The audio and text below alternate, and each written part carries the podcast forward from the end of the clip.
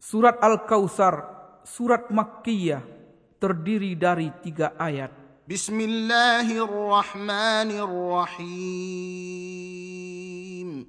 Dengan menyebut nama Allah yang maha pemurah lagi maha penyayang. Inna a'tainaka al-kautsar.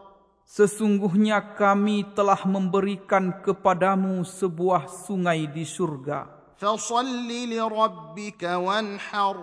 Maka dirikanlah solat kerana Tuhanmu dan berkorbanlah.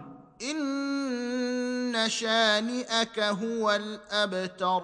Sesungguhnya orang-orang yang membenci kamu, dialah yang terputus.